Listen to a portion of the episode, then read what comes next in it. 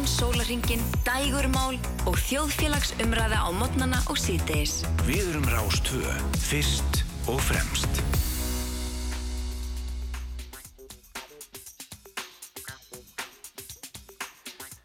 Komið þið sæl og blessuð. Þá leggjum við að stað hér á Rástvö. Þetta er þátturinn fram og tilbaka og ég heiti Felix Bergsson.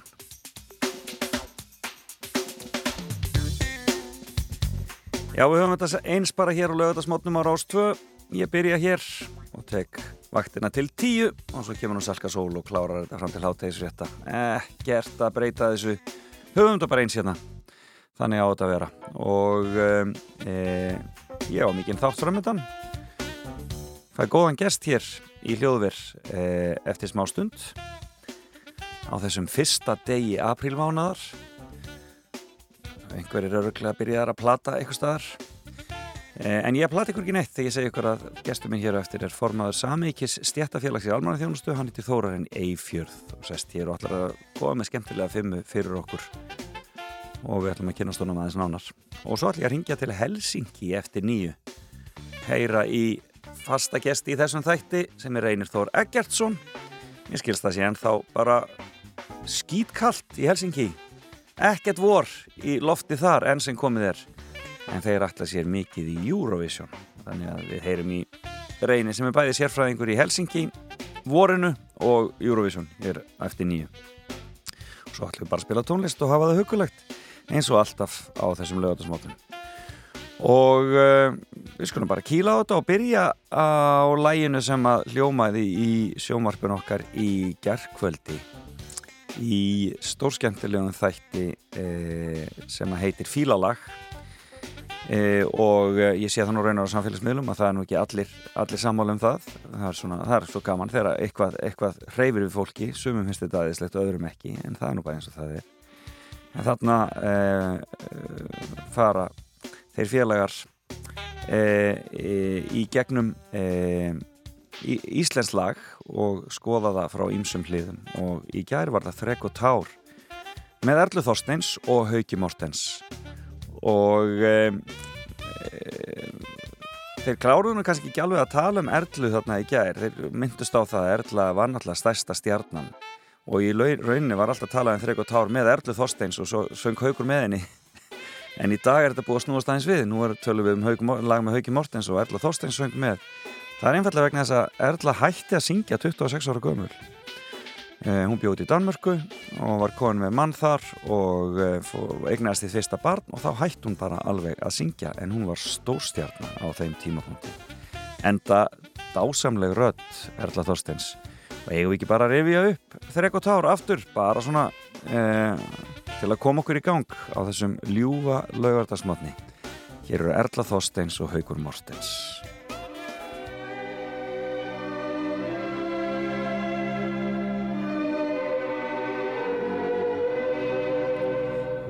Viltu með mér vakir blóminn sofa, vina mín og ganga sura tjörn, þar í laut við láan eigum kofa, Lekum við þar okkur saman börn, þar við gættum fjárum fölvar nætur, fallegt var þar út við hólinn mín.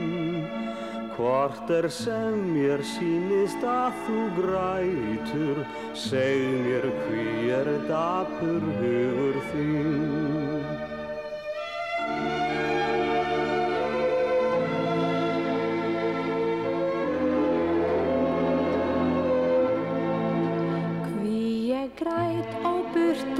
æskan bjarta, bensku minnar dáin sér hver er sárt í sínu unga hjarta að sjá hvers lokna öllins gestu ljós. Og hver fegin vild ég verða aftur, morsins barn og hérna leika mér. Nú er lama þrek mitt þrótum kraftur, þunga sorg á herðu mér ég ber.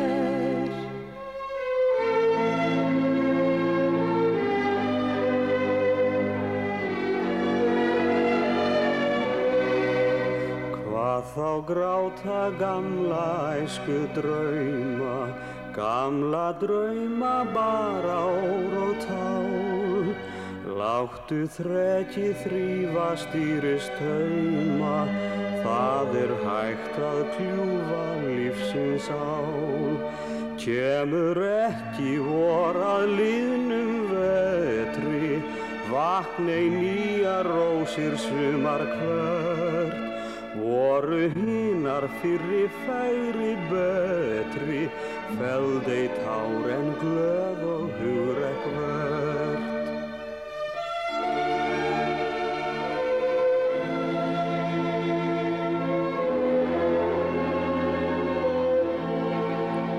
Þú átt gott, þú þekkir ekki sárin, þekkir ein ég skilur hjartans mál.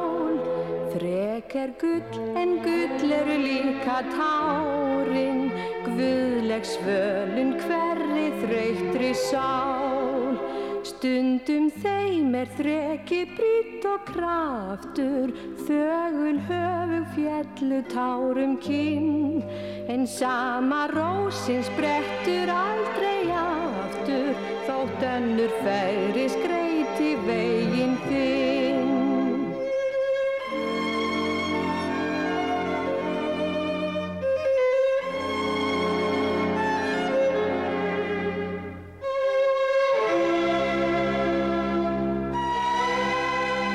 Þvílíkt drama frá 1958, þrek og tár.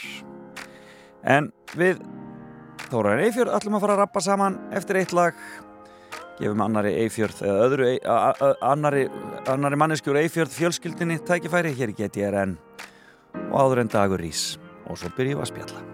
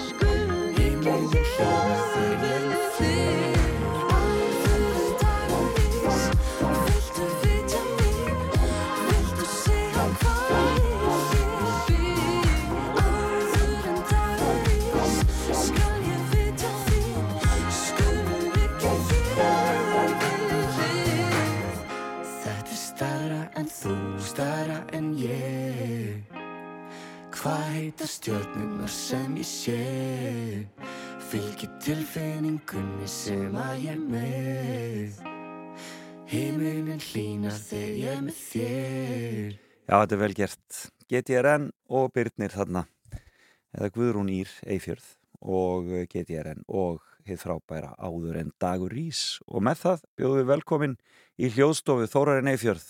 Velkomin. Kæra þakkir og hérna bara góðan dag. Góðan daginn.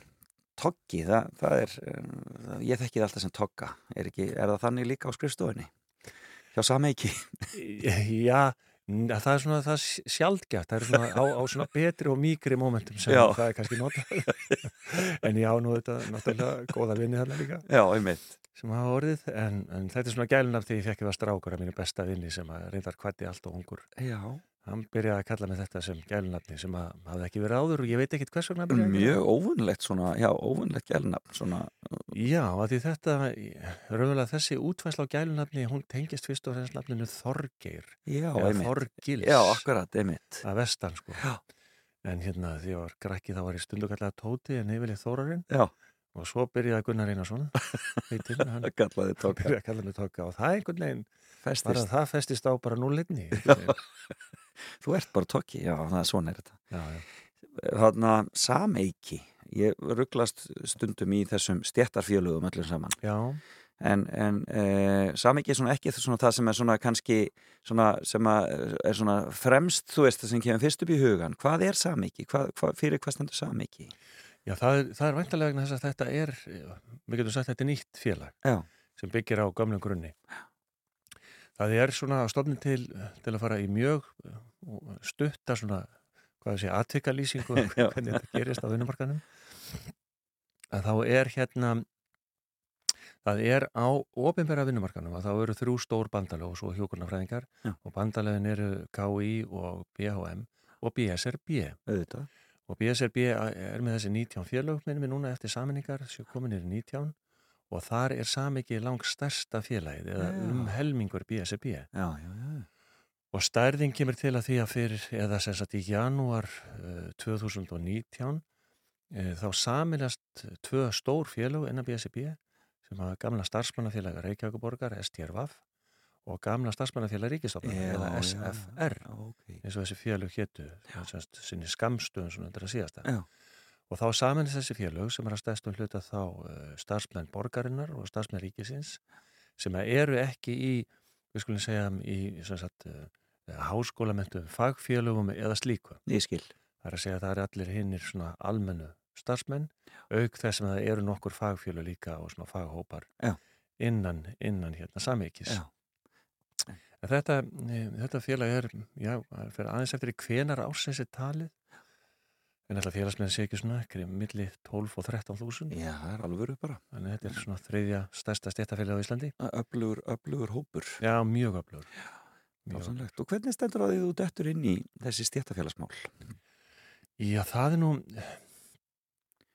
Þú hefur alltaf verið mikið svona félaga maður og þú veist, ég, ég kynist þér ekki nú leiklistina svo sem, mm -hmm, hérna í gamla daga, en það, þú varst alltaf svona maðurinn sem hægt var að, að grípa inn í stjórn og hérna og fá, uh, þú veist nú formaður bandalags, hérna bandalags hérna, litlu, litlu leikfélana sjálfstæða leikhúsina tíma sko. emitt, En það er sko, ef ég myndi reyna að rekja einhvern rauðan þráðu kannski gegnum æfiskeiði sem að bráðum maður þarf að gera, svona sjá, var þetta einhverju gagni, að þá, það var eitt sem hefur alltaf verið sko loða við mig. Ég hef haft mjög mikinn áhuga á, á fólki og verkefnum og samstöðu sem að, sem að hérna, ég hef trú á að gæti, le, gæti leitt til einhverja svona betunubóta. að gera eitthvað betur og gera eitthvað skemmtilegra, Já. gera eitthvað stærra Já. og svo framvegis. Þetta er einhvern veginn, ég lítið baka þá er kannski svolítið rauðu þráður bara í mínu lífi. já, ég skil En þetta kem, kom til vegna þess að eftir hérna að hafa starfað í leiklistinni að vera á bólakafi henni frá hvað, þegar ég byrja í skólan, maður 80, 1983 og starfað tölvöld mikið áhuga leikvelum, bæði semst á Suðunisum Já. og síðan náttúrulega stúdendaleikúsi því ég var í, í háskólanum sem var eitt kraftmesta, eitt kraftmesta leiklistavettvangur í borginni. Akkurat, allavega um hríð. Akkurat, fengum hérna menningarvelun og guð máttu hvað á þeim tíma. Og það er kringu 1980 að þá er ég uh, semst, í, eftir 20 ár 2 ára ára tíu svona í þessu já, á þessari skemmtilegu lest að þá uh, var mér eiginlega, hvað sé það opnaðast tækifæri vegna þess að samtímis hafði uh, unnið sko mikið að meðferðastörfum Já, einmitt. og var alltaf að kenna svona liðseildarvinnu og fleira það sem blandaðist bæði svona meðferðar uh, störfin sem ég hafði verið í og náttúrulega þekkingin úr leiklistinni Já, að búa til stemningu, búa til verkefni og svo framvegis, þá hef ég verið að kenna tölvert hópum sem voru að vinna í meðferð ungmenna sérstaklega. Já. Og þá var ég beðin um að taka mér uppbyggingu á fræðslusetri hjá Já, BSIB ok. og sem var hérna fræðslusetur, eh, það heitir í dag fræðslusetri starfsmeld, er ennþá lífi og er ekki bara lífi heldur upplöfast að svona endur og símyndunarkerfi sem er til er á ofnbæri já. leið mér að fullera það og, hérna, og ég setti svolítið nýður tók mér aðeins tíma þess að ég vissi það að ég myndi taka þetta að mér þá myndi ég hætti leiklistin Já, þá myndur þú sigla inn í annan feril. já, já. Eða bara verkefni var það ég sá það alveg hversu stórt það var Já. þannig að ég settist bara niður og, og svona með mínu fólki og bara tak, tók ákvörðin, herri þetta er bara fínt. Bara 20 ári þessu bransa nú tekum maður 20 ári ykkur annar staðar Akkurat, akkurat. og ég bara fór alveg full force í það. Já. og síðan gerist það að við- ég verð frangvæntastjóri í SFR 2006 minn mig, já. Og síðan þegar að saminingin á sér stað þá var það náttúrulega verkefni sem að heitlaði mig mjög að reyna að verða einhverja gagni þar. Ákvaða að hérna taka skrefið og, og hérna og bjóða mig fram og sjá hvort það væri hljómgrunni fyrir því Og og gekk það, það reyndist vera Frábært. En við skulum rann okkur í fimmuna þína, já, Þórarinn. Eða Tóki. mm. Mér langar alltaf að segja Tóki. Ég, að kalla, ég má- segi Þór. það við, erum vinir við erum vinir, við erum vinir. Já. Þarna, uh, þú ert með sérstaka fimmu. Þessa hef ég aldrei fengið áður. Fimm veiðistæðir. Já, ég var alltaf ég var þetta sko um, Ha, ég held að þetta var í sko. já. ég væri að blata. Já, var að plata mig og hérna nýrst þegar að segja ég er þetta ríl sko, er, er þetta í alvörunni Ég er svo lélugur í svona aprilgöfum. Það, það er ég sem er plataður, sko. Það er bara, ég á ekki síens. Já, já, ok, en ég hugsaði með það getur ekki verið Já, ég bara, ég gera- ekki, ég, þetta á það ekki. Nei,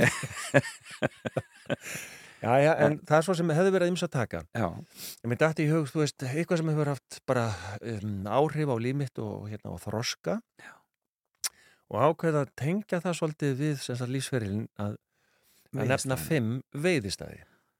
Sko ég er svo forvitni, við bara verðum bara að byrja í þeim fyrsta bara strax. já, Hver er fyrstur? og ég ætla að búa til ákveðið samhengi, það er línulegt svona Það er línulegt samhengi. það er lífsamhengi og það er sko einhverja sterkustu minningar hjá mér frá því að ég var bara barn. Mm -hmm. Að strákur í Keflæk fættist þar og uppalinn þar. Já, að það var þetta sem að ábyggilega er minning margara sem að hafa allist upp í þessum sjáarplásum að það var þetta með bryggjulífið. Já, og ég man ekki betur, ég var að reyna að muna sko, voru við ekki bæði kynin, bæði strákar og stelpur í þessu brasilin og bryggju alltaf að veiða? Já, og mig minnir að svo hafi verið. Og það voru þrýr staðir á bryggjusvæðinni Keflæk sem voru svona uppáhald sjá okkur krokkunum.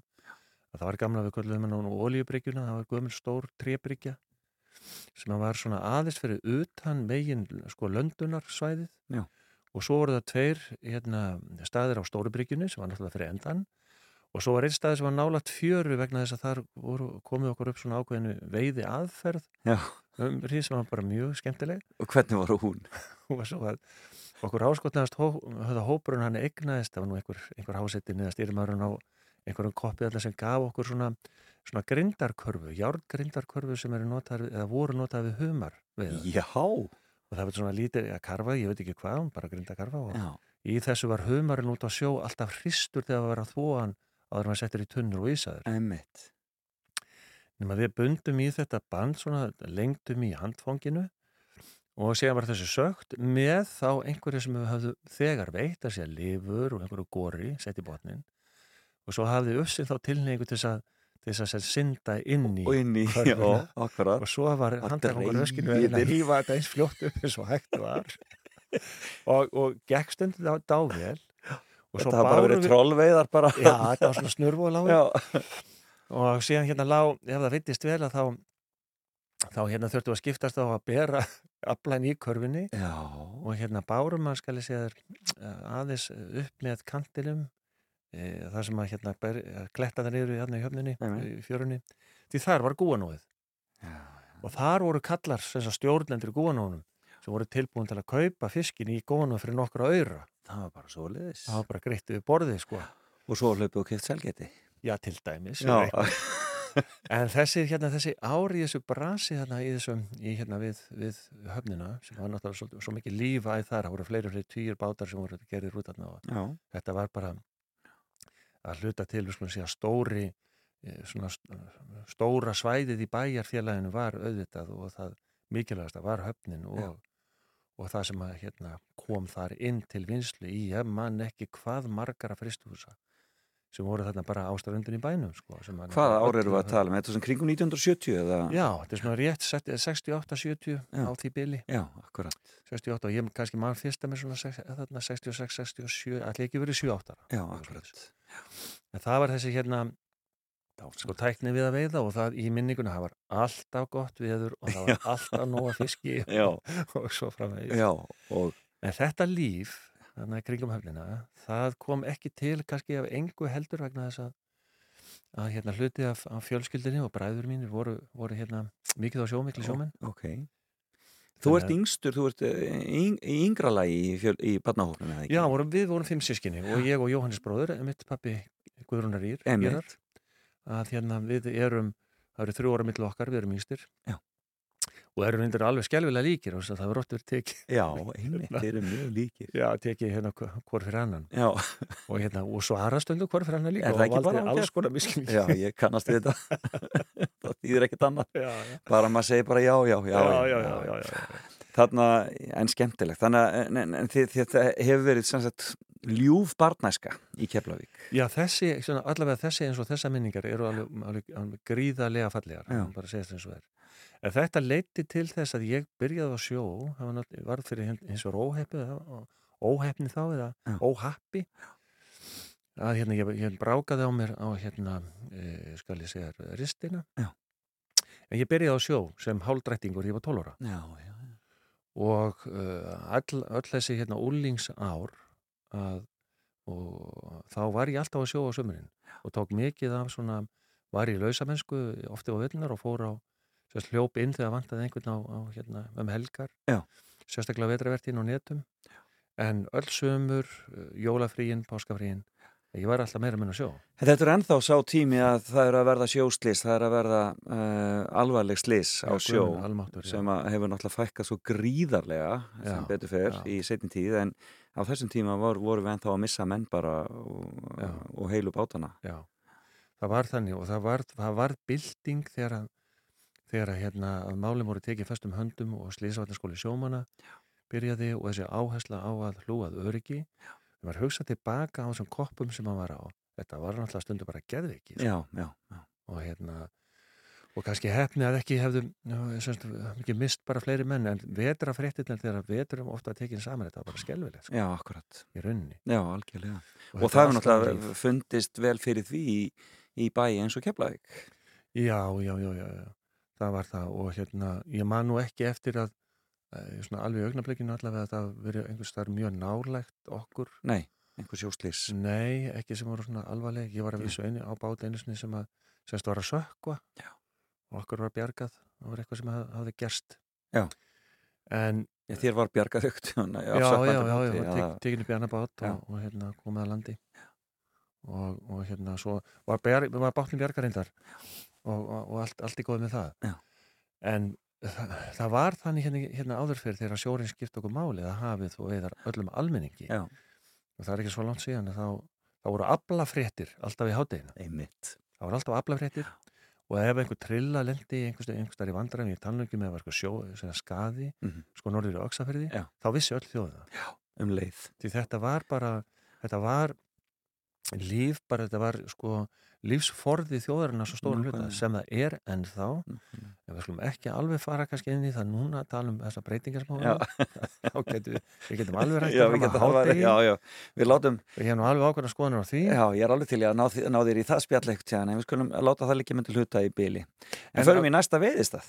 Já, eh, aðeins bara til viðbúti við þetta Já. því þetta er svona í, í lífslöpunu Já, á þessum árið þegar ég var 18-19 ára þegar þetta tímabil aðeins var eh, þessu tímabil var ljúka, þá tók ég skipstjórnapróf á svona minni, minni prófa því að ég hafði svo gaman að þessu já, að vera á sjó já, að ég ætlaði að vera sjómaður. Já. svo n- þegar ég er að klára framhanskólan þá einhvern veginn þurfti ég að setjast niður og spyrja "Bíddu, er það þetta sem ég vil, horfandi á, hvað getur verið þá framönda næstu áratí og þá, þá ákvörðu að segja, nei, ég ætla að fara bara, ég ætla að mynda mig. En það var ákvörðu. En uh, fórstu þá í fjölbjörnskólan á Suðunni sem Já, já. ég var fyrsti árgangur þar eftir að fjölbreyt og stofna. Já, það er bara svoleiðis. já, já.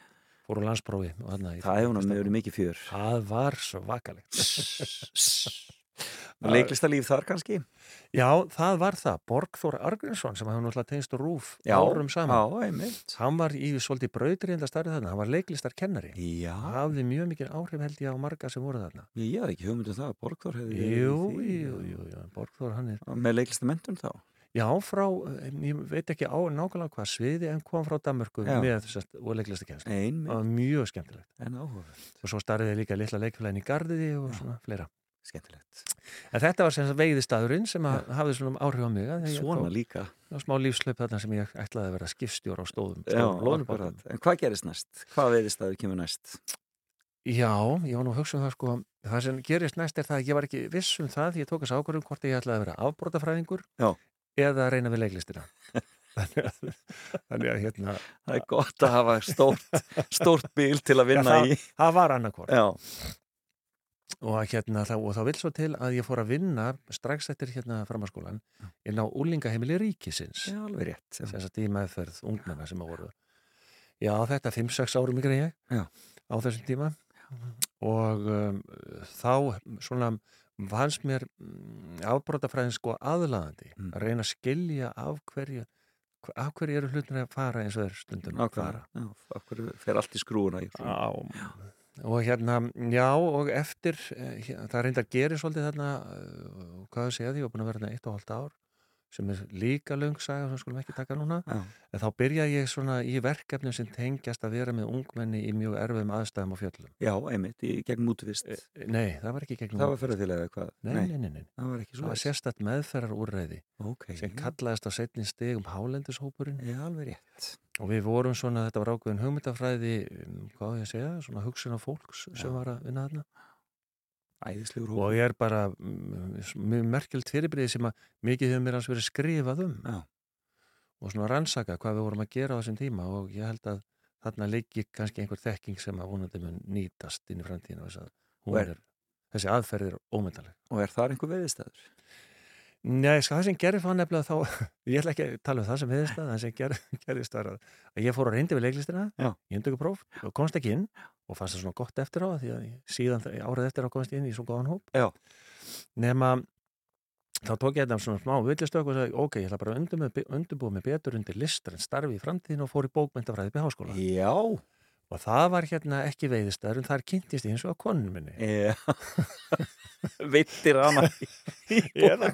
Eða hvort það var hún sem veitti mig, Já, akkurat, það alveg. veist ekki alveg hvað þetta gerist. En það var einhver veittur hana.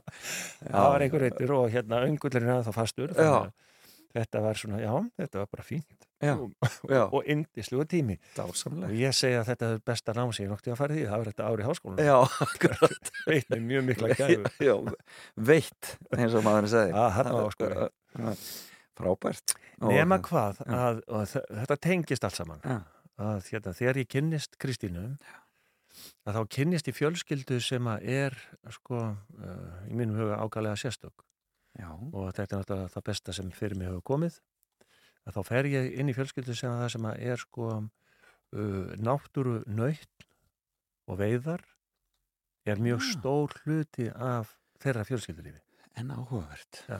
Já.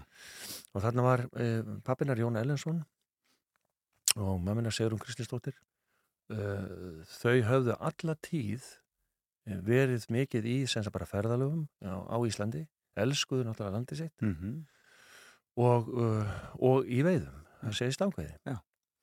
og Kristín á minningar þar sem að þau voru sko helgi eftir helgi þá var bara á föstutum þá var farið með tjálta ég hérna á þingvelli og tjáltað og svo var bara verið í göngutúrum og verið að elda og, og, og hlusta á fuglana og Já, veiða. og akkurat. veiða, Dásamlegt. algjörlega. Og þetta gerði fjölskyldan og ég svona geng svolítið inn í þessa menningu og þau og, og Jón kannski sérstaklega því hann var svona uh, mjög sérstakur veiðmaður þeir bræður, þeir voru uh, hann og, hérna eitt bróður hans að þeir ég ráku hérna stangveiði minnum mig held ég hvað, uh, hvað er hérna á búðin sporturgerna, áratugum saman smíðu stangir og já, og, og voru hérna að kenna fluguköst og guðmáttu vita hvað? Já. Og hann, eins og hann hafði gert við sín börn kannski, hann tók mig bara og fór að skóla mig til Kennaði og það bara opnuðist nýjir heimar sko. Og frábær flugnýttari líka Dásamlegt. og hérna gæta sinni tíma þannig að veiðistæður svona fyrsti veiðistæður sem ég kynnist í gegnum, gegnum hérna fjölskylduna Já. það er þingalava Já, já, já. og það er bæði þjóðgarunum og lampaga og, og þau áttu e, lítinn bústað líka í grafningi Já. Og sem þeim megin við vatnið e, bara, e, það er, já hvað 200 metrar nýr hérna fjöru þar sem þau voru með bát. Og uh, þessi uh, dvöl líka í sumarbústæðnum þeirra sem var þeir, bara hlutaði nákvæmlega sama að njóta Já. í þessu, opbáslega fallega landi sem er þar og veiða.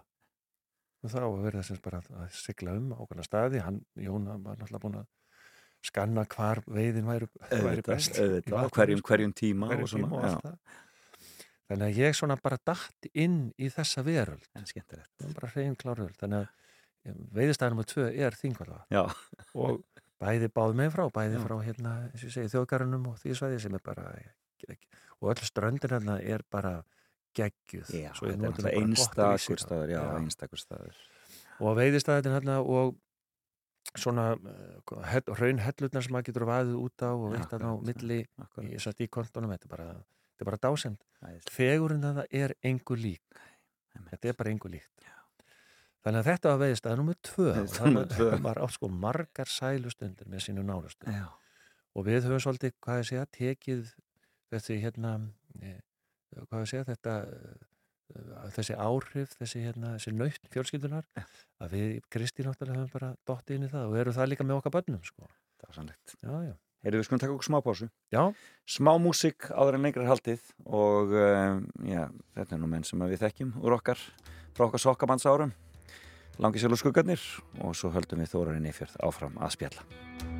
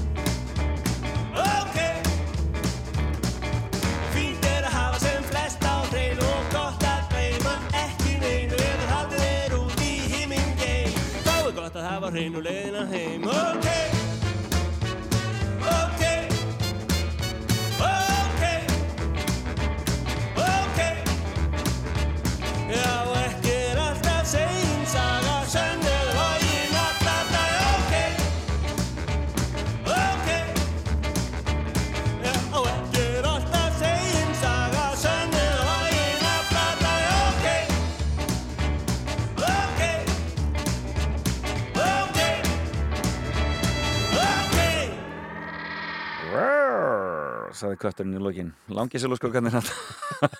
ok, það var vel gert. Það var mjög vel gert. Akkurat. Þetta var hérna, ég held að við bara al- alveg náð þeim punkti sem að við erum frábæristar í. Það var indislegt að horfa á. Nákvæmlega og hafa bara aldrei verið vinsætli fyrir vikið. Já, Þórarinn Eifjörð situr hér hjá mér. Við erum búið með tvo, tvo veiðistafa fimm og nú þurfum við að halda vel á spöðunum ef við ætlum að komast til að henda í þessu.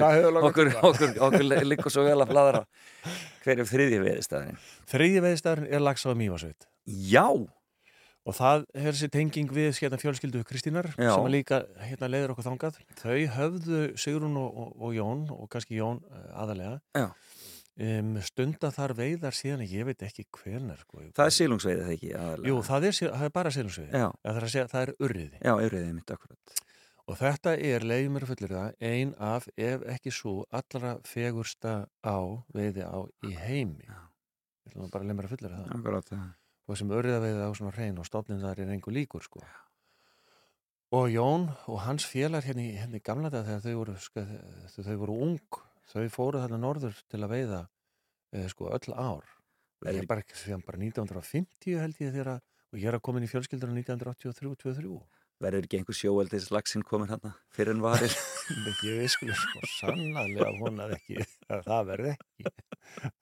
En þetta var náttúrulega sko, mývetningar náttúrulega björguð ána á sínum tíma En að sprengja stílum. það var rosa, það er svakalega dramatísk saga. Já, og við meðum alveg muna það núna Já. að þegar þessi maura hér allar að ganga yfir landið okkar Akkurat. og eigðalegja það í peningagróðu hyggjunni hvað, hérna, hvað, hvað þetta fólk gerði sko. Já. það tók til sinna ráða til að bjarga íslenska náttúru og við þurfum að gera það kannski á einhverju stígi ekki kannski með, með hérna, þurfum við vonandi ekki að grípa til svona drastískra aðgerða Sækja En við og bara, Við, við verum bara að standa vörð um landið okkar. Það er nú bara þannig. Ég satt nú sögur af því að hérna þegar, þegar stjórnmálamenn er að, að segja það og, og hagsmuna aðilar að það megi ekki stemma stegu við til dæmis eign erlendra aðila á íslensku, íslensku, hérna, íslensku landi og íslenskum eignum. Ég, ég, ætla, ég ætla að geima það Já. en þetta er bara þvæla sko. En þetta er, já, lagsá mjög sitt. Dásanlegt. Og farið þið þarna á hverju ári eða? Nú, nú kemur smásaga. Já, Við vorum þarna, sagt, þetta voru alltaf fjölskylduferðir okkur. já, já. Fórum alltaf norður og, og þá erum við að njóta þess að vera bara í mjögsveitinni og þarna á þessu svæði nor norðanlands. Því þetta er eins og þingvelli sko, þetta er einstætt, fegurðin þarna og að vera þarna er bara alveg einstætt. Og við gerðum þetta oft þannig að við fórum kannski að veitum eitt kvöld, svo ferðustu eitt dag og tókum svo eitt morgun og gerum eitthvað annað og kannski þriðja kvöldi og síðan kannski einn heilan dag bara með voru að þvælast um svæðið. Og svo kom vinafólk líka inn í, inn í hérna svona, segja, þessa stemningu Já. inn í hann heim og allt það og, og allt er þetta tengist að fjölskyldum og vinum, þessi ferðalög norður að veiða. Já. Þetta var ekki bara veiðiferðin og hún var alltaf með og hún var alltaf svona daldið stjörnumomentið kannski í, í einhverju samengi og þetta var svona uh, ekki svona rosalega skipulagt eins og orði í dag. Já. En geng, við gengum hann inn í ákveðna menningu sem hafði verið sko áratúðu saman og var bara indislegt. Já. En það sem gerist minni með 2019 að þá verður einhver reyfing þannig sveitinni að bændur þar sé að leifis hafar, landeigendur, veiði rétthafar gera samning við stanguði til að Reykjavíkur. Já, Og stanguði til að Reykjavíkur er kannski ekkit sérstætt svona issue í þessu máli en þeir sem sagt selja le eða leigja réttin. já, Og það, einhvern veginn, það breytti, fannst okkur þá öllu. já, Þannig að það voru þarna, hvað sé, hópar sem lengi höfðu stundað ána og jafnvel svona fjölskyldur áratugum saman. mhm, Þegar við sáum hvað, í hvað stendi og hvað var að gerast, þá bara hættu við. já, Og sem inn í þennan, þennan heiminn, þessa breytingu, við kærum okkur, okkur ekki um að fara í hana. Já. Þráttur þetta væri, e, sem, sem hefði svona stort pláss í hjartanu og, og tilvörunni. Og þá, við þóttum sjá að það nú átti að fara að hækka allt og þetta voru einhver, þetta voru mjög stóra fjárhæði sem um að ræða þarna í akkurat. og allt það. Þannig að það var óhjákvæmilegt að allt myndi auka kostnað og, og þetta er sko notabenni, ég held að það verið 2009 frekar heldur en 2006. Og það var svona einhver, einhver peningalíkt að þessu sem bara okkur hugnaðast ekki. Þannig að hérna við hættum, hættum þar að veiða í þessu undislega eins og segi, bara þetta er besta vörð á í heimi. Akkurat. Að þá því miður maður gaf það vegna út af einhverja prinsip að hafa haft að snerti einhverja taug sem var óþægileg, þessi breyting. Já, ég skil. Þannig að við hættum að fara og svo reyndar að, að hérna að þá egnaðist ég góðan vinn líka á, á setni stigum og, við, vinahópurum hafi verið þarna að, að kynntust manni sem heitir Jón Vi- Viðar Guðjónsson vildi svo til að hann var í árnefnd. Já, og er í árnefnd Já. árinar og hérna við tekið svona marga umræðin um þetta. Og svo þegar, að hérna að við vorum búin að vera í sjálfskeipari útlegð í mótnaleskin í 13 ár að þá hérna ákveða aðeins að prófa þetta já, akkurat. Og svo hérna og, og þá var sem sagt endur, svolítið endur koma, hún var að vísa ekki á svona fjölskyldubasis að þetta er orðið svo opaslega skipulagt þetta er orðið svo akkurat einhvern veginn í einhver ekstra skjali en, en náttúrun er hérna en þá Já. en þá hefur líka svæðið tekið segja, breyst svolítið frá því hér áður fyrir Akkurat. Maður sér það hvernig nótkunnin hefur breyst á landinu. Já. og hérna en indislegt áin er hérna, náttúrun er hérna og, Og og sami er þarna og urriðin já, já, Sami urriðin. Og sögum endurnar og ég veit ekki hvað og hvað. Og fugglalíf á fegurinn er Já, einhver líka, einhver. það er bara þannig. Veiðin stórkoslega Það eru tveir veðistæðar eftir, hver er sér fjórði? já, þri, í tveir í fjórði, já, Já. að það myndi vera veiðvatn Já, þú ferð á hálendið. Já, og hérna við Kristín og krakkarnir við höfum þvælst mikið um hálendið á sömurinn Hvað eigið það börnum? við hefum ekki nema tvö börn. Já, og tvö barnabörn og telja þau með, maður er svo ægilega Já. upptekinn af því. Já, auðvitað. Og hérna, já, já, það er bara ég, maður er svo alltaf maður sé að sko upplifa frumsýningarna þegar maður er heimsókn og sjá, sjá barnabörnin Akkurat. Það þarf að fara með blóm og, Það og klappa fyrir öllum. liggur við. En þið hafið farið svolítið það, já. Já, og, Og- og, hérna gerðum það uh, sko við í samfelt í, í hérna Lagsá í Þing á hverju sömur þá fóru í 20 og hvað, fjögur eða fimm ár. Já. og það sama höfum við eiginlega gert með, í veiðvötnum uh, með, með stöku hljöfum svona fyrir eftir hvernig kjærasamlingar hafa leið Já, akkurat. Og en við, höfum, sagt, við byrjum að fara þannig þá áttum við frambiðan rússajeppa svo svona innréttaður með vaski og, og svefstæði og eitthvað með Sigrúnu litlu. Já. þá var hún, á, hvað ætla hún að vera áskumur og þá vorum við að þælast með hennum hálendið. Já, á þessu og, og, fórum og, og hérna meðalans við veitum þá í fyrsta sinn minn mig. Og þá hérna og við urðum alveg aktóa bara yfir við Stórkostlegur veitum þetta alveg eins og eins og við vildum og fullt að verða miklu meira, og og, já, miklu meira af honum og miklu stærri Já, maður kannski hefur séð smá, smá dreigið úr því. En svo veitum við alveg helling og fullt af verðum og, og hérna og barni gætt leikið sér í bara í fjörunni og Dásanlegt svo fór það bara að sofa inn í bílnum þegar þetta að sofa og, og, hérna, og maður kentist alveg fullt af góðu fólki og staðar heldur um þarna sem er indislegt fólk. En sko ég veit að þú hefur verið, sko að því ég nefndi útivist aðan, þú hefur verið eh, mikill útivistar maður og, hérna, og þá í gegnum útivist sem sagt samtökin eða ekki? Já, að það, sko, í rauninni ég er búin að vera, sko, ég held ég hafi verið félagi í ferðarfélagi Íslands var því að nýta, sko, þegar frá því ég var 16 Nú, það er svo leiðis, ok, e, en svo enginlega vil til að ég hef aldrei ferðast með ferðarfélaginu. ok. Ég bara, með þess að þetta frábær félagskapur og ég er, í, semst, ég er borgandi aðil í öllum þessum ferðarfélagi sem ég næ í, Já, bara til þess að við eigum að eiga þessi akkurat. og megum ekki gleyma því hvað þau hafa gert fyrir, og veist, allan almenningi aðgengi að náttúrunni, Já, að hálendinu. nákvæmlega. Byggt skála, vegi, aðstöðu staði fyrir ferðarmennskunni og hjálpa okkur að upplifa það sem að er ekkur eitthvað mesti, eitthvað mesta dýrmætti í Evrópu og þó við að vera að leita nákvæmlega. Nema, jú, jú, ég hef verið þar mikið en ég var svo mikið bara einn með sjálfum mér og félagunum að, að hérna bæða skrölda og ganga og skýða og svo framvegis. Já, skrölda og ganga og skýða, það er ágætt. Já, Það er ágætt lýsing. Já, já, það er bara svo leið og verða ískalt og blött og Já, akkurat, allur pakkinn. sko. en alltaf gaman. Já, akkurat. En svo gerist það með ferðamennskunni eins og með útivistina þá um, ég svona kem þar inn í rauninni gegnum jeppamennskuna.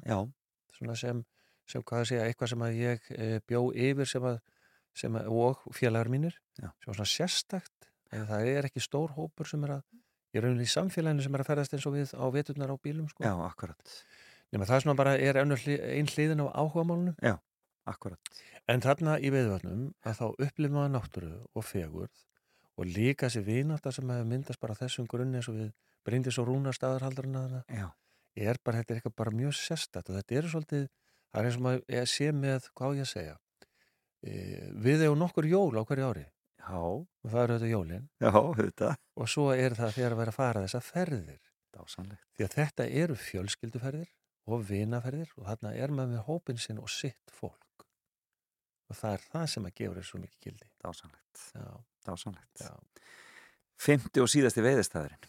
Hver er hann, Þóraðin Eifjörð? Já, ég, sko, ég, ég ætla að velja og ég held að það, hann á alveg heima í þessu svona highlights á Já, þessum já. highlights lista. Já, og það er Vastalsáin já, af hverju?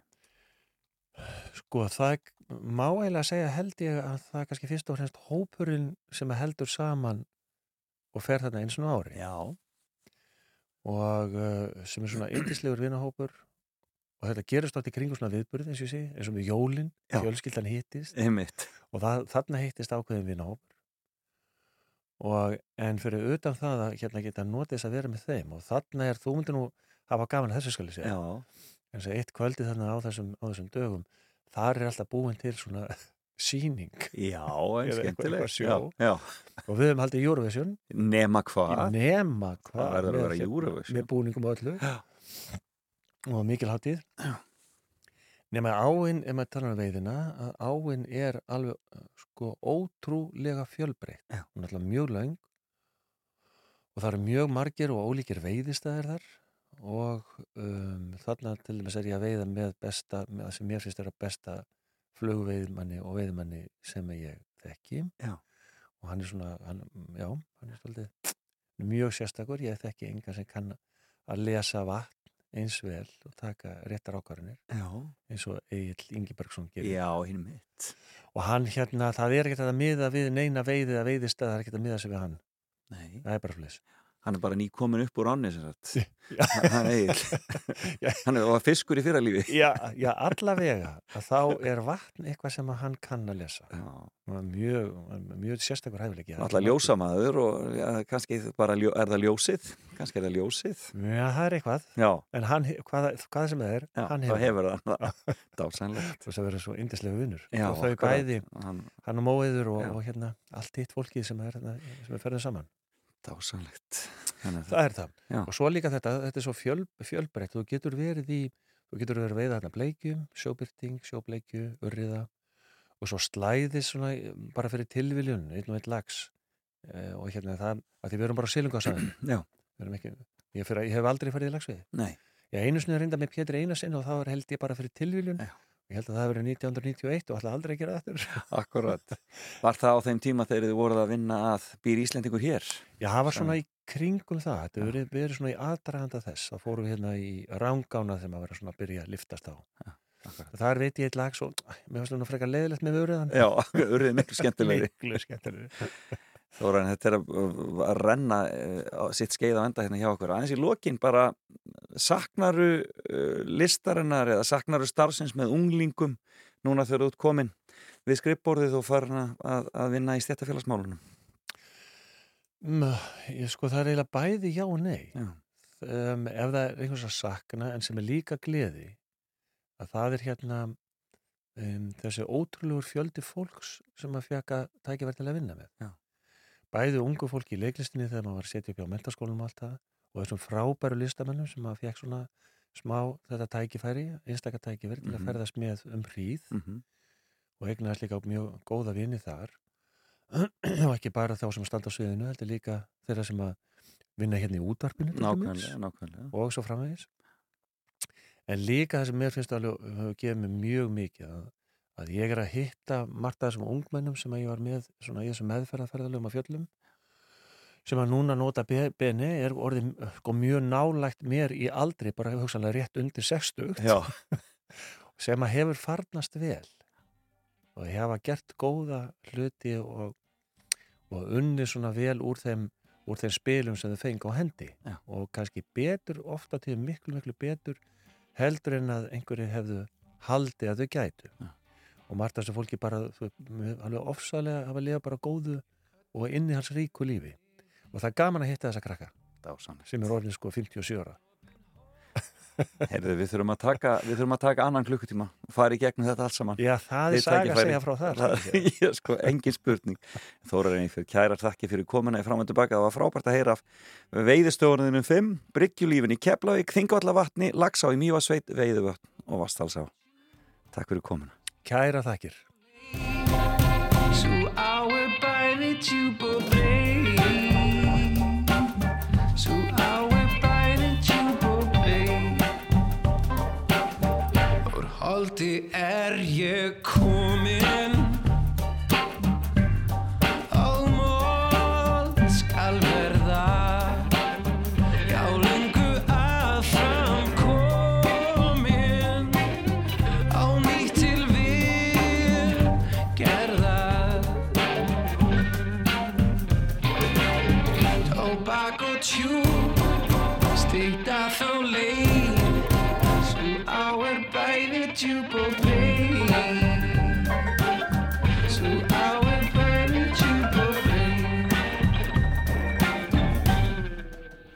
En ég á mér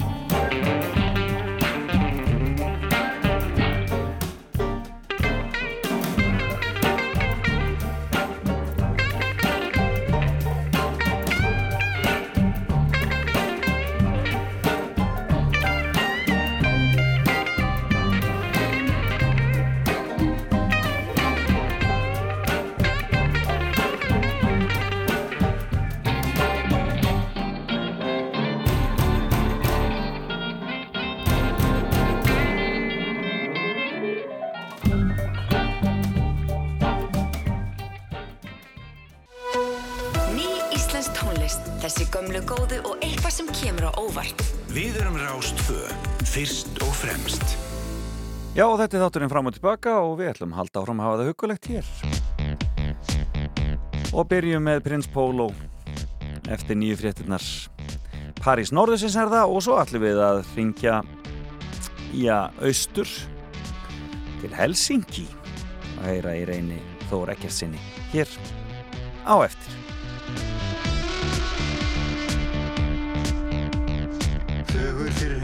Heita blúsandi siglingu Hullar nöfnfötum í greinjandi ríkningu Stími. Heim í heiðadali Góður strákur og velu bali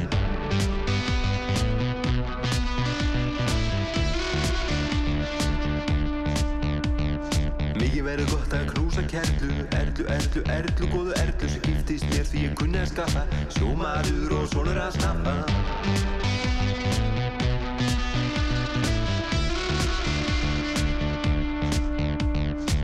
Laka svo til að hitta börnin. Maríu, Hænu, Hafþór og Örnin Vinna upp tíma, klippa smá og líma Í eldingaleik fram að átta tíma.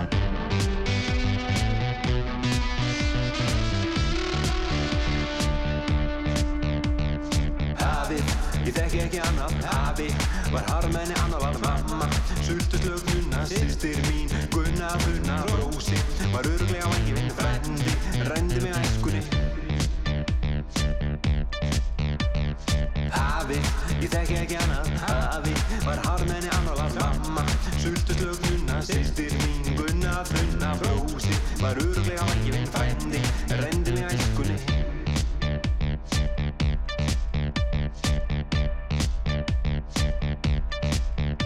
En þegar heim er komið býður mín flaskan og á tröppunum stendur ferðartaskan Erla góða fór með vini á hestbak. Síðasti túr hann kerði um þverbak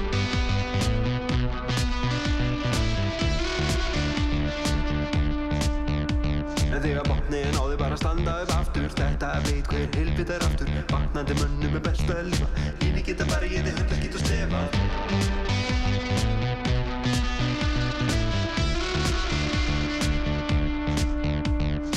Afi, ég þekki ekki annað. Afi, var harmenni annað var mamma.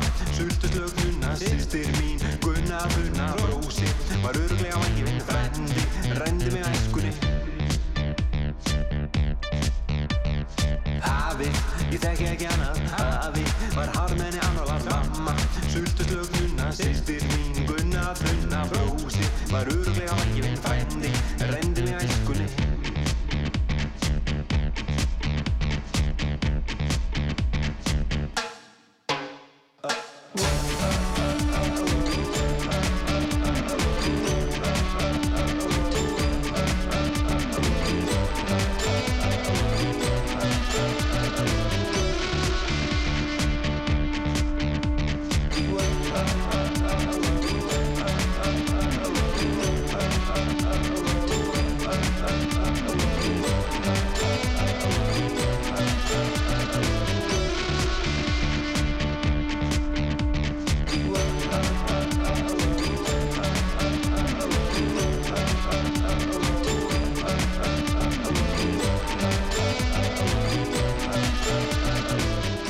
París Norðusins er það og þetta var auðvitað Prins Pólo en um, já, það er aðeins verið að glitta í páskaveðrið hjá okkur í veðurspánum og það eru rauðar kö- tölur í kortunum en mikið vassveður en um, mér sýnist nú að það er að fara að, að létta til hjá ykkur fyrir austan svona e, þegar það kemur fram í vikuna. Já, ég, jafnvel bara á morgun hvorki minna minna en það er svona já, en það verður svona, minnskusti það fyrir að glitta í sólina meira sér e, fyrir austan. Og e, það væri nú vel að þið fengjuð e, dásanlegt veður um páskana en e, já, þetta er svona það er, það er, þessi, það er þessi, þessar skúrir og þessi rigning, mikla rigning og hvað sem þið eruð, farið bara inn varlega og fylgist með veðurfréttum. Það er þetta venjulega Um, e, já, við ætlum að ringja til e, Finnlands hér og eftir heyra af e, vorinu þar, hvort að það sé komið og líka heyra í reyni aðeins í sambandi við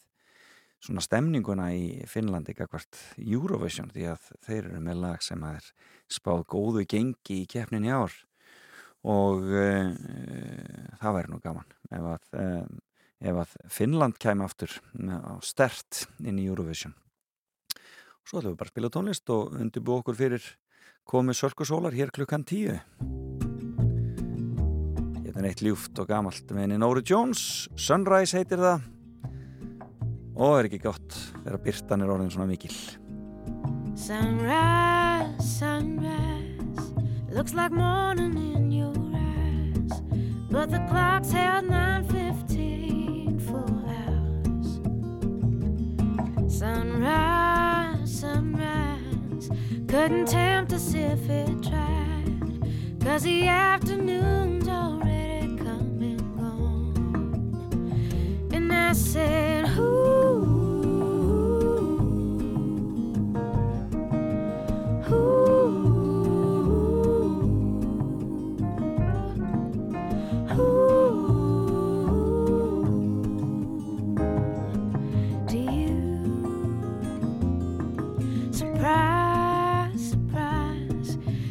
Find it in your eyes, but I'm sure it's written all over my face.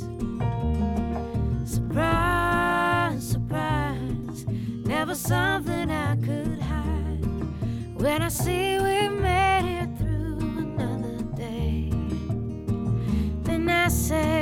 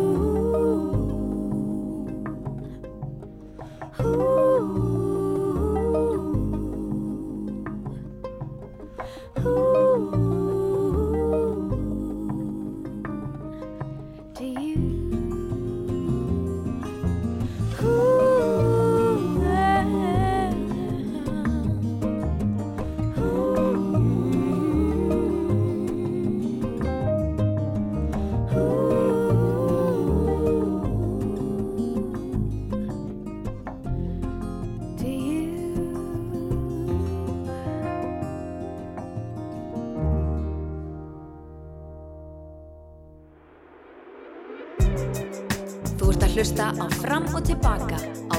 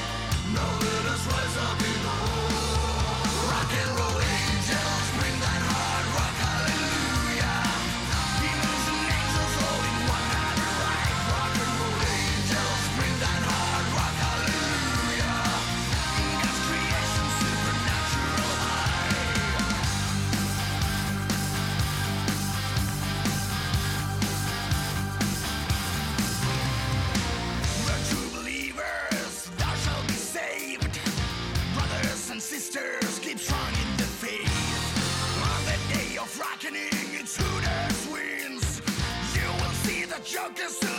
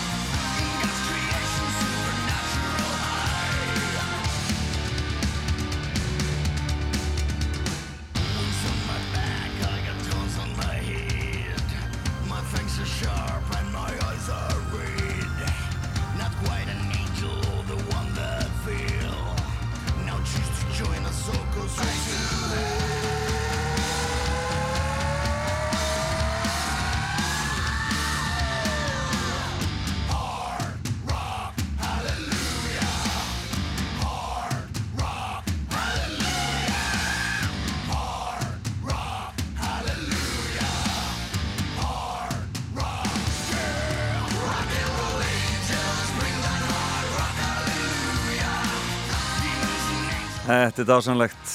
Hard Rock Hallelujah, mann ekki vanur að spila svona tónlist. Snemma á lögðarsmotni en okkur ekki. Þetta er sigurlag finna í Eurovision.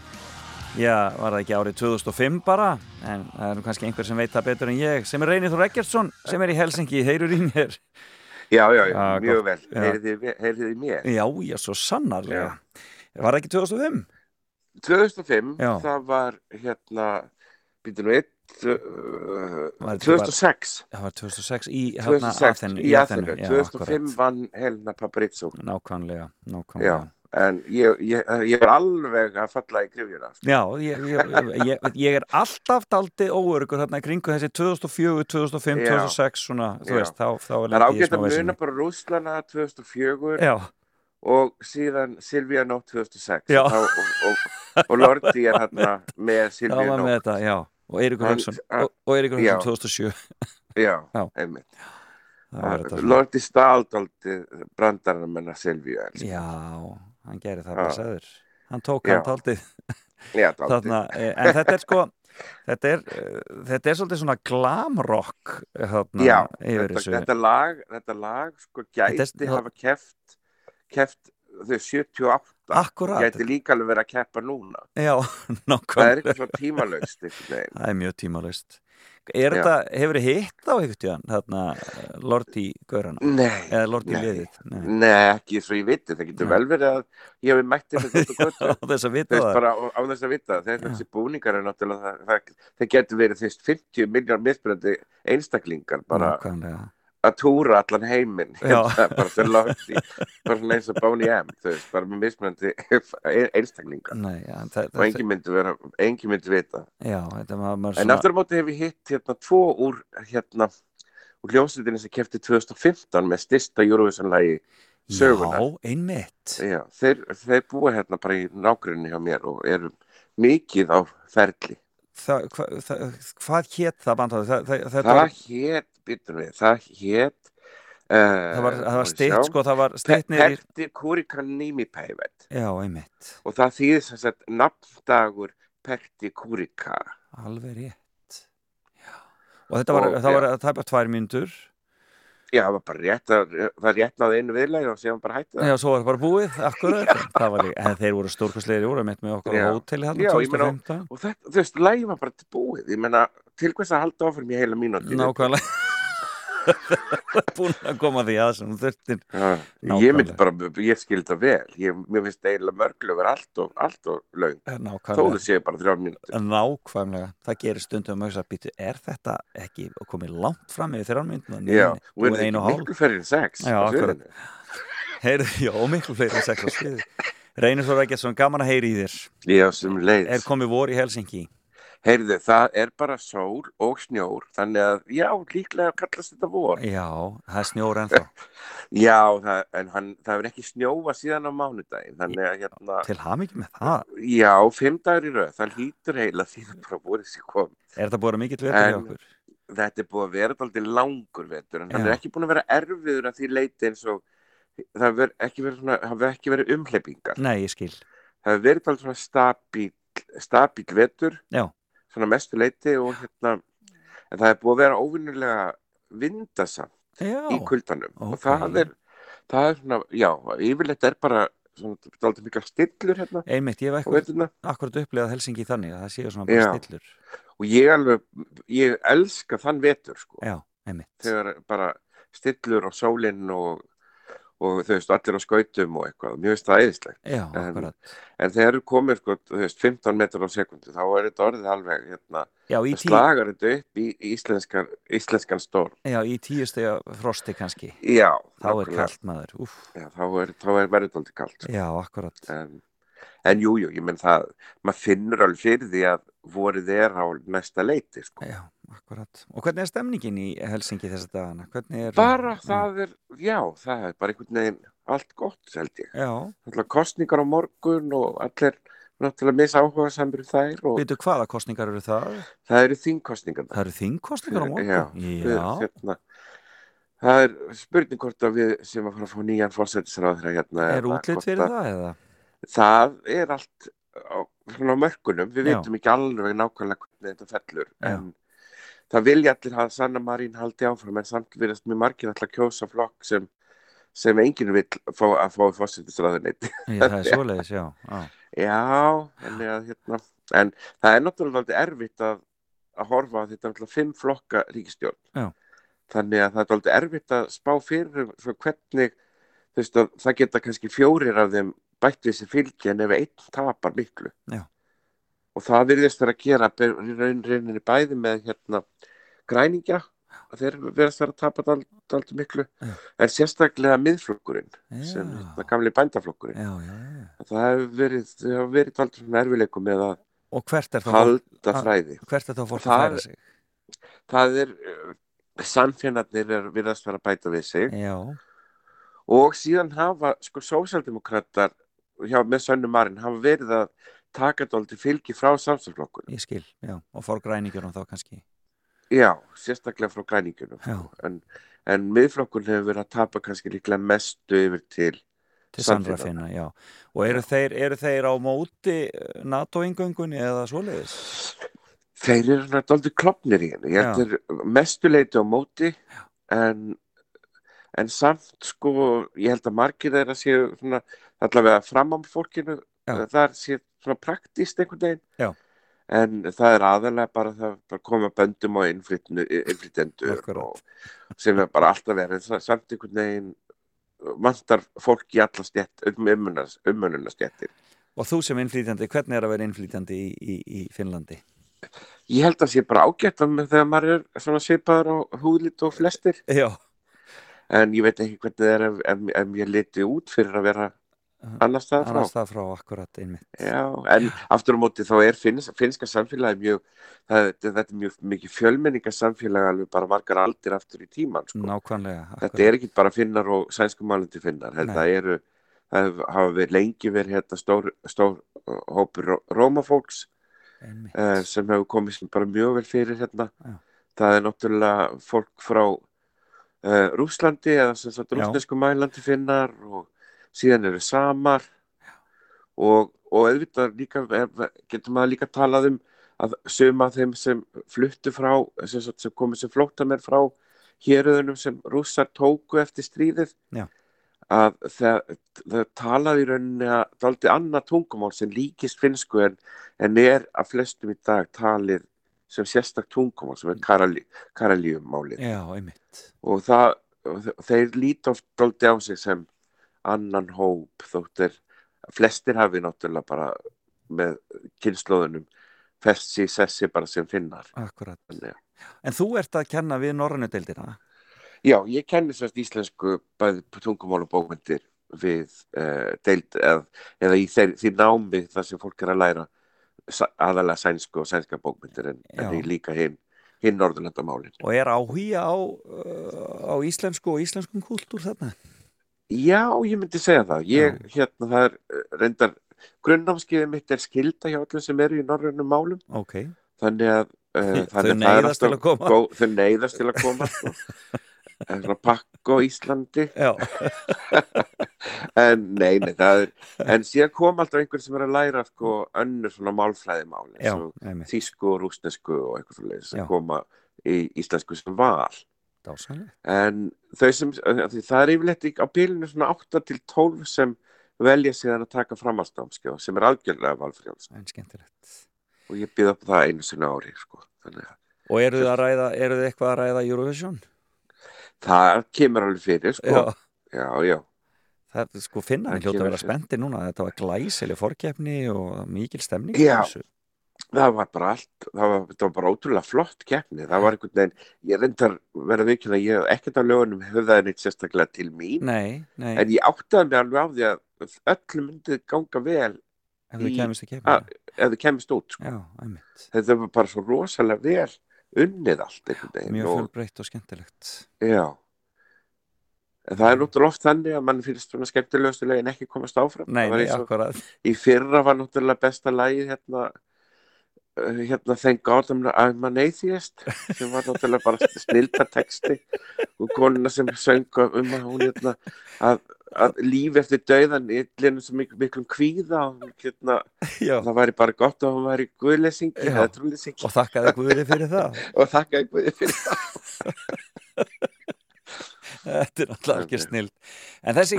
Kerja, Kerja, sem er Kerja Kerja, ég var erfitt að segja þetta, ég lendi þetta er mjög Það- þetta- mér vafðist tungan. þetta er ekki A og ekki E Nei, þetta er svona A og svo er K-ið eiginlega ekki alveg K heldur. Nei, heldur það, Kerja. það er svona eins og ká inn í orði hjá okkur, káið í taka, já, Kerja. gerja, gerja. Hann er hann vinsæll í Finnlandi? Já, já, ég reyndar verið viðkynni, ég hef ekki heilt minnst á hann fyrir, Nei, fyrir, hann, fyrir en allir voru að spáinu sigri í þessari keppni og Já. ég man nú ekki hvernig þetta fór, en hann vann allavega með hérna, hvað, hvað 700 at- stigum á móti í öðru sæti, sko, sem fekk bara, veist, 20 stig. Hann bara busta Liggur við. þetta. Þetta var alveg ótrúlegt bust, sko. Ég, ég er nú aðeins að íkja en, hérna, en það var alveg það var alveg ótrúlegt hvað hann vann með miklu mun náði þjóðinni. Hann er svona, Já. þú veist, það er svo skemmtileg típa, hann er sko, maður veit ekkert hvað maður hefur hann, sko, hann er, Nei, nákvæmlega hann er svolítið eins og lægi, það er svona hatari á köplum og svo verður það einhverju tja tja tja og svo allir breytist það í eitthvað svona, einhvern polka í lokin. Já, og spes. náttúrulega með þessar svakalegu dansara með sér sem eru sko þú veist alveg ótrúlega ykt í Já. brúkkunni sko Ótrúlega flott, svakalega skemmtilegt. Já. Heldur að Finnlandi er séns á að vinna Eurovision? Ég held að Finnland vinni símakostninguna Já, en ég óttast að domnefndin taki hatar á þau og hérna og fara í svíjana. eða og, og ég held að svíjar vinni ekki Þú heldur ekki að svíjurinn? nei, nei, ég held að hún fá ekki nægilega mikið úr símakostningunni Nei, já, það er svona það sem að maður svona aðeins velti fyrir sér. Sko, Já. svíjar hafa ekki verið að fá út úr sína símakostningu. nei, og síðan er bara lægið það bara er ekki eufória Akkurat. ég er ekki að segja að hún þyrfti að koma með sama lag aftur en það er þið hjálpað en hérna, En lægið vinsal, sko, það er spilað hér í útvarpi og það er spilað já, í Breitlandi já í útvarpi. það, og það er spilað en sko ég held að sko það vantar þetta ris sem, sem grýpur fólk með sér sem er ekki búið að vera að hlusta sjálf ég mitt, akkurat. og minna þetta er náttúrulega ótrúlega flott pródúserað Mhm, lag mhm. og atriði Já. og bara hljómurinn í röddinni og, og allt það, það, það, það er fullkomið en það er, bara, það er bara eitthvað sem vantar, finnst mér Þetta verður spennandi að sjá hvað gerist. og ég held að það gæti gerst svona einhvers konar þú veist, lagi sem lendir í þriðasæti hjá páðum Og það verður það gæti- Úgræna, jafnvel. já, ég held að það gæti verið Bretland Nó, þú ert þar. ég held að Bretland gæti alveg unnið Já, Já, ég, mér finnst, þetta er flott pródú- pródúserað lag Já. og miklu meira grípandi heldur en læðina Loren. já það kemur ljós Já, ég, ég, það kemur ekkert óvart að hérna breyta fengur svona doldi gútvill fyrir að vera að halda kemnina já. og þú veist ég held að fólk sé komið doldi svona þeir, þeir eru ekki að senda sko þriðideldar atriði, Nei. þeir eru að senda alveg fyrstudeldar atriði það verður ógeðslega spennandi. Reynir gaman að heyra en, en ég veit náttúrulega aldrei hvað gerist. Ég Nei, er eða alltaf rátt sem nema þeirra Aserbaidsján hérna- Já, akkurat. Þú varst með Aserbaidsján, það er ótrúlegt.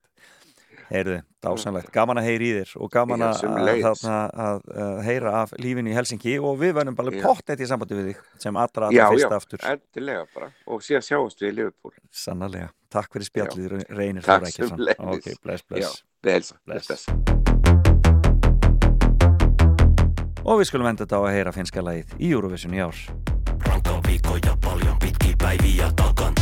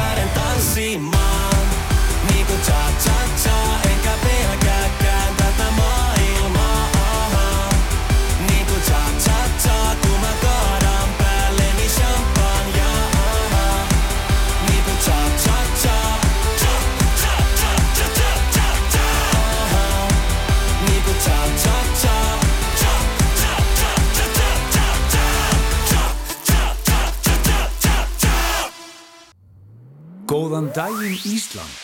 Fram og tilbaka á Rástvö. I've been doing yoga Well I only did it twice Still not drinking any water Not taking anyone's advice And I've been looking through our photos I know I shouldn't but I do Cause I've been trying to remember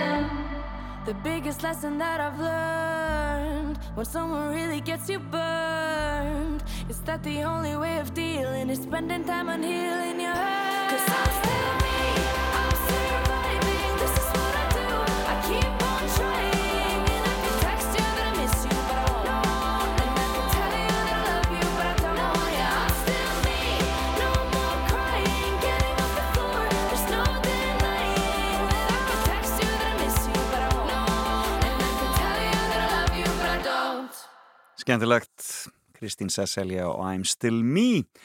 En uh, hann uh, reynir þór eh, uh, myndist á þann á breskalægi allt í nú var hann alveg svo spenntur fyrir því að það myndi jafnvel lauma sér hann inn og, og vinna Eurovision í ár. Ég er nú ekki alveg sem um ég sé alveg sammálunum en það er aldrei að vita. Minn skusti lægið hinn dægilegasta popfluga við skulum heyra May Möller sem ætlar að syngja lagbreyta í Eurovision í ár. Lægið heitir I Wrote a Song og og uh, hún mun uh, koma fram síðust í eh, uh, úslita þættinum sjálfum. Þannig að það er besti, það er besti staðurinn. Sjáum hvernig þetta fyrir hjá þeim.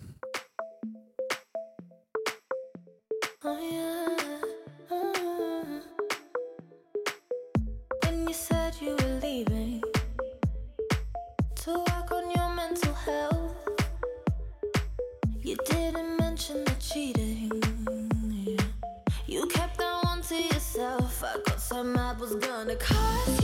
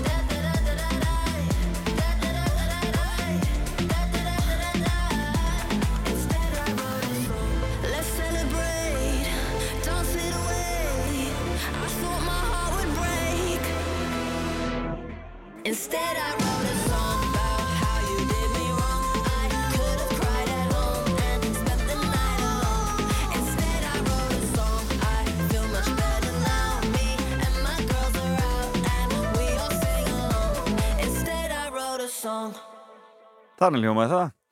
Instead I wrote a song. Þetta er stórskemtilegt pop frá Brytónum í Eurovision í ár. En þetta er líka stórskemtilegt pop. En þetta er ameríst. Hljómsdyn Sissur Sisters. Og eh, ég hefði til í smá tjút. Þá er ég til líka sko. I don't feel like dancing.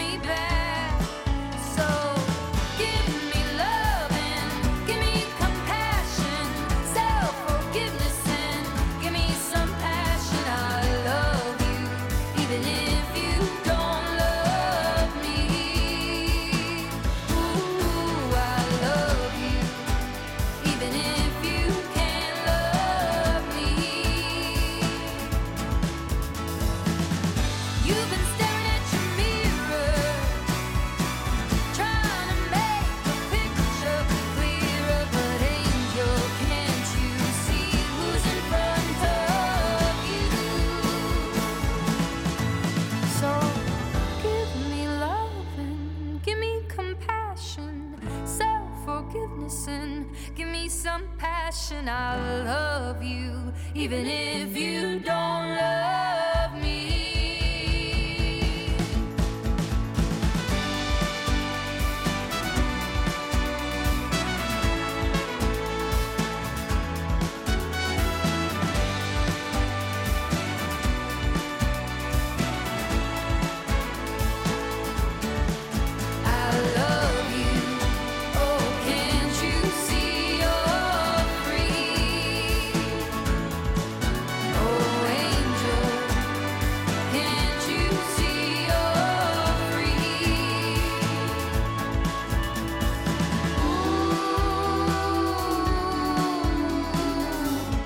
Já, þetta er einhver allra besta skandinaviska útflutningsvaran þessa dagana. First Aid Kit og nýja lagi þeirra sem að heitir Angel. En hér er annar, þessi nú íst kanadískur, The Weeknd. Og þetta er gammalt og gott, In Your Eyes, þetta er að vera búið hjá mér. Já þó, já kannski, já, þessi tvölu eftir.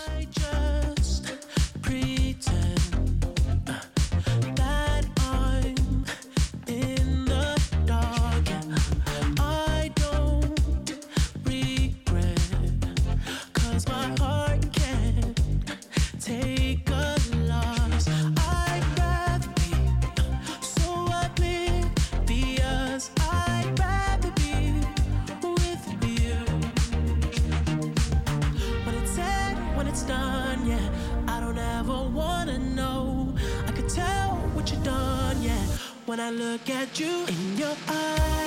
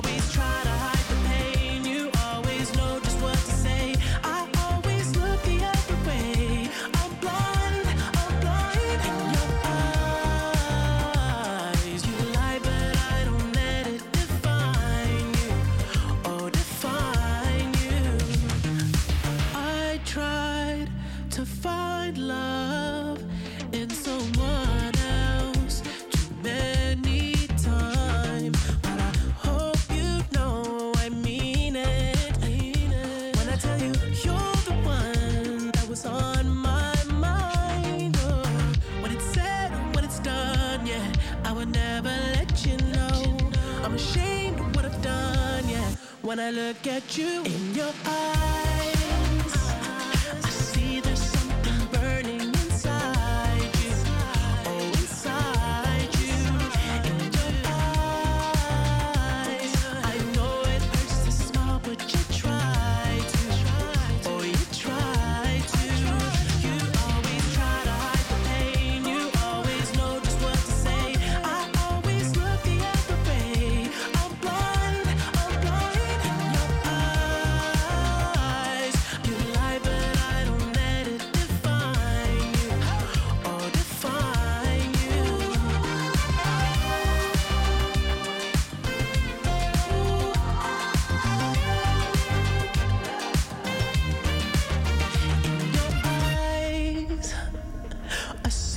Something burning inside you.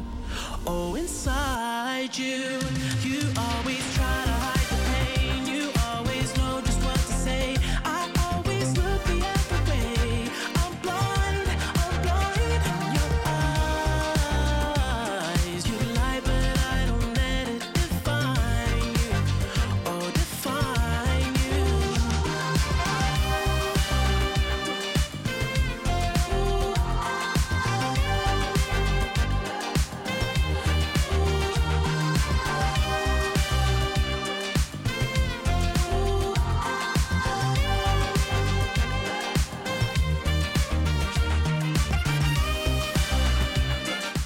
Já, ljúft er það? Og þetta er búið hjá mér í dag. Mikið að dásamlegt að vera með ykkur þennan lögatarsmorgunin eins og alltaf og frábær gestur minn í morgun Þórarinn Eifjörð eh, formaður Sameikis sem er stjættarfélag í almannaþjónustu. Og við áttum skemmtilegt spjall hér í morgunsárið og ef þið viljið finna þáttinn þá verður hann komin inn á rúf.is fyrir en varir og líka inn á hlaðvarpsveitur en Tokki saði mér frá eh, fimm veiðistöðum, það var skemmtileg fimma og það var Bryggjan í Keflavík, það var Þingvallavatn, svona um það leiti sem hann veiti Kristínu Jónsdóttur eða veiti hún hann í bókmæntafræðin í Háskóla Íslands. Það var Lagsá í Mývarsveit, það eru veiðivötn sem fjölskyldan fer gætnan í og svo Vastals á. Og uh, við komum víða við í spjall okkar og áttum margt eftir þegar við þurftum að hætta. Ja, það, var, það var gaman. Og síðan ringdi ég til Helsingi og heyrði mínum góða vini Reyni Þór Eggertsinni sem að e, segir að vorið sé komið þó það sé hann á snjóra á jörðu. Og e, frost að þá er sólinn farin að skína og ætli, það þýð ekki bara að vorið sé komið þar um slóðir. Já e, og það er vorið lofti hér hjá okkur líka þráttir er allt og lóan kominn og allt það. Og Salka kemur hér eftir smástund. Ég þakka fyrir mig í dag og hlakka til að vera með ykkur aftur eftir viku. Þá var ég í Berlín og við höldum upp á páskana saman. En leifum eh, Inspector Spacetime og Unsteini að klára þetta lag sem heitir Kistu mig. Erumst aftur eftir viku. Bless bless. Langt síðan Ég sá þið síðast. Og ég veit ekki, veit ekki, veit ekki hvernig mér á að líða. Betur en ég bjóst við